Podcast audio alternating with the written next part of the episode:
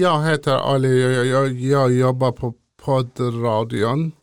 Vi har en gäst som heter Teddy. Välkommen Teddy. Tack så mycket.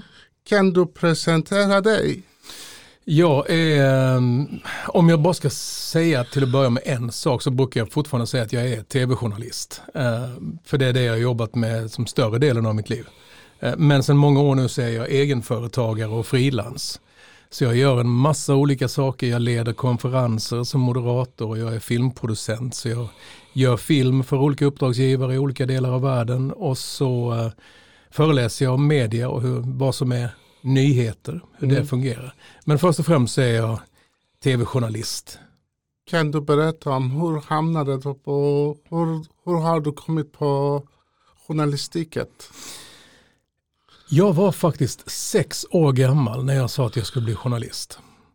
Eh, min mamma skrattade lite grann, min mormor och morfar skrattade ännu mera. Min eh, fröken i skolan, hon skrattade faktiskt inte men hon sa, ja men det är bra, då, då får du jobba för det.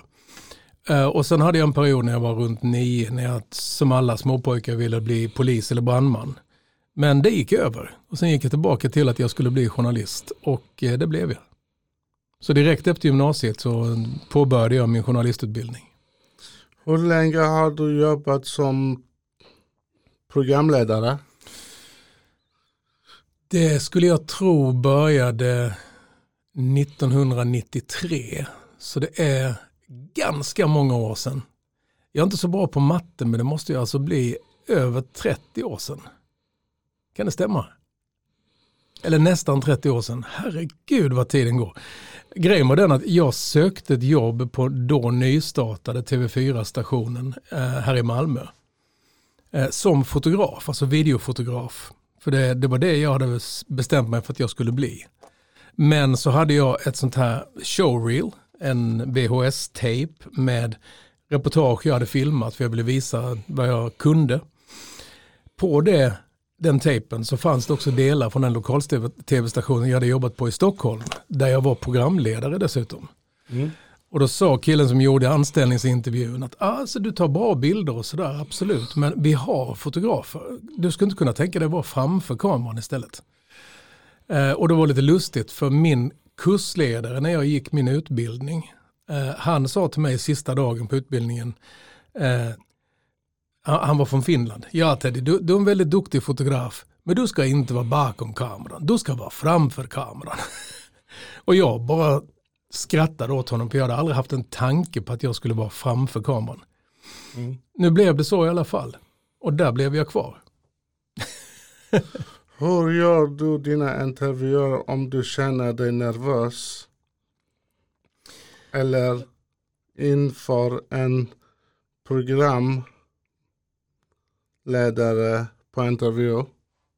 Jag känner mig väldigt, väldigt sällan nervös. Eh, helt enkelt eftersom jag, eh, jag har en intervjumetodik som går ut på att jag ställer några frågor som jag vet att det här, det här, liksom, här, i den här änden måste vi börja. Om jag har förberett mig tillräckligt, och det brukar jag ha gjort, så vet jag var jag ska börja någonstans.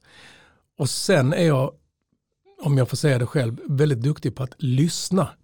Det finns många som är intervjuare och tyvärr alldeles för många programledare också som är duktiga på att ställa frågor men de är inte lika bra på att lyssna. Eh, så det är där jag gör det. Jag kan ställa mig med en okänd människa, det har hänt flera gånger, och göra en intervju. Och bara komma igång och sen då lyssna på svaren och så utifrån svaren så ställer jag mina följande frågor efter det. Och då kan man känna sig trygg och då behöver man inte bli nervös. Vem eh, är din första intervjun som du har gjort? Oj, det var svårt. Jag räknade ut någon gång att jag måste ha gjort över 4000 intervjuer.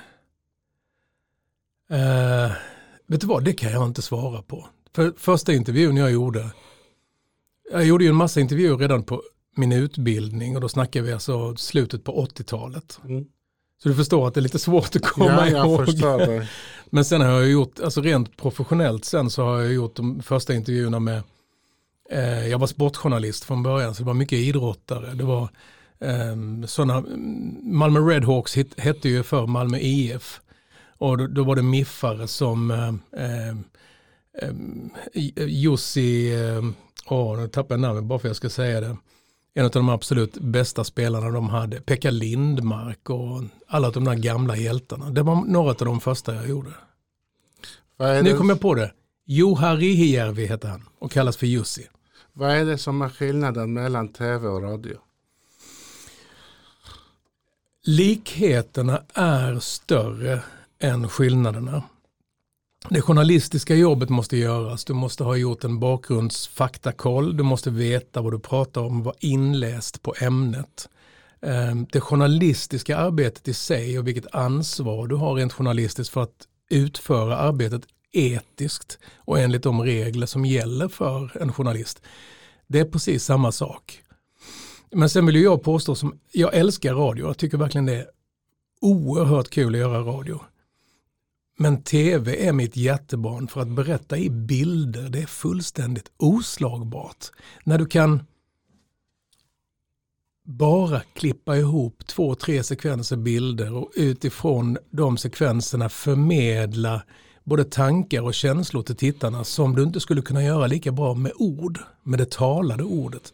Så att samverkan mellan tv-bilder och det reporten säger eller det de intervjuade säger eller till och med om man använder musik i tv-reportage tycker jag gör tv till ett överlägset medium för förmedling av information. Åtminstone om man tänker på att man vill få med känslospektrumet också. Vad är de etiska reglerna genom journalistiken? Jättebra fråga. Yrkesetiken det är någonting som hela branschen, alla seriösa aktörer i branschen har kommit överens om. Så det finns en skrift med, jag kommer inte ihåg hur många regler det är, men det är kanske 10-12 punkter och så finns det underpunkter där. Och vad det går ut på är att alltså, journalist är ju inte ett skyddat yrke. Det är inte så att man tar en examen och sen kan man kalla sig för journalist. Utan även en helt outbildad människa kan agera som journalist. Så det är hur du arbetar som avgör om du är journalist. Och då innebär det att du är oberoende, det vill säga att du, du har inte några intressen av att främja eh, en eller annan företag, politik, idrottsklubb eller någonting. Eh, det handlar om att du måste vara objektiv i ditt sätt att förmedla fakta. Du ska så ha koll på fakta. Och så får du inte låta dig bli påverkad. Alltså, jag kommer ihåg en gång jag var på Eh, en sportkrog här i Malmö. Det här måste varit på 90-talet. Så det är ingen som känner sig träffad hoppas jag. Eh, och så medan min fotograf tog bilder, det var en väldigt, väldigt duktig tjej som hade blivit ungdomsvärldsmästare i bowling som vi skulle filma. Så medan de tog bilder så satte jag mig i baren och käkade lunch för att jag hade inte hunnit det. Och då kommer chefen på stället fram och säger att eh, du, eh, Eh, om ni tar lite bra bilder på stället här och du nämner att det är just här ni är så, så behöver vi inte ta betalt för lunchen. Och det är ett jättebra exempel på när du måste agera etiskt som journalist. Då sa jag till honom att tack för erbjudandet men jag betalar för mig själv. Mm. Så enkelt är det. Vilken är person som är du, din drömintervju? Mm. Vad hemskt vad svåra frågor du ställer Ali. Eh, alltså det, det, finns ju en hel drös givetvis. Skulle jag bara välja utifrån min egen personliga synvinkel nu, eh, vem som helst, så skulle jag vilja göra en intervju med Alanis Morissette, den kanadensiska rockstjärnan, som har haft ett fascinerande liv där hon har dragit sig tillbaka från offentligheten efter sina succéår som väldigt, väldigt ung. Och nu lever med man och barn och liksom har ett helt annat liv än rockstjärnelivet. Det hade varit en fantastiskt intressant intervju. Men sen samtidigt så finns det ju otroligt intressanta politiker, eh, näringslivsprofiler, idrottsstjärnor givetvis. Hade det gått så skulle jag just nu tänker jag ju av naturliga skäl väldigt mycket på Börje Salming, den gamla hockeystjärnan som är svårt sjuk i ALS. Mm. Eh, och han kommer ju av allt att döma, det är oerhört tragiskt, men han kommer ju att vara död inom ett eller två år. Eh, han kan inte prata längre. Och därför så kan jag inte intervjua honom. Då känner jag ännu mer att, fan att jag aldrig fick intervjua honom. För han är en av de riktigt, riktigt stora stjärnorna. Nu är det slut på del ett.